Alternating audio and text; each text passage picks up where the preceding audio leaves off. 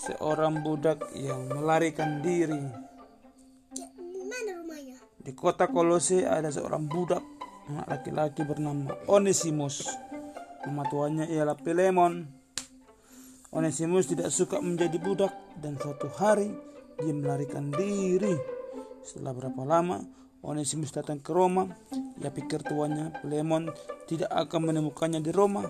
Tapi suatu hari Onesimus bertemu dengan Paulus. Paulus menceritakan kepada tentang Yesus. Onesimus belajar mengasihi Yesus. Ia menjadi Kristen, menjadi pengikut Tuhan Yesus.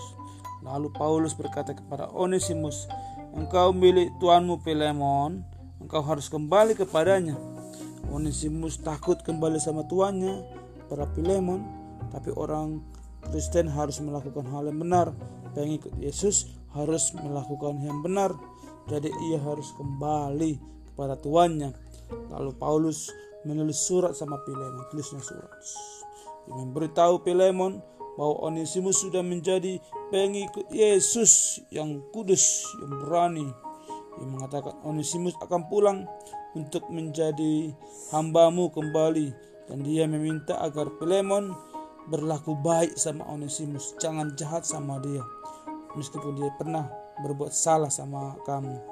Onesimus membawa surat itu dan dia pergi kembali sama tuannya di Kolose. Pilemon juga seorang pengikut Yesus.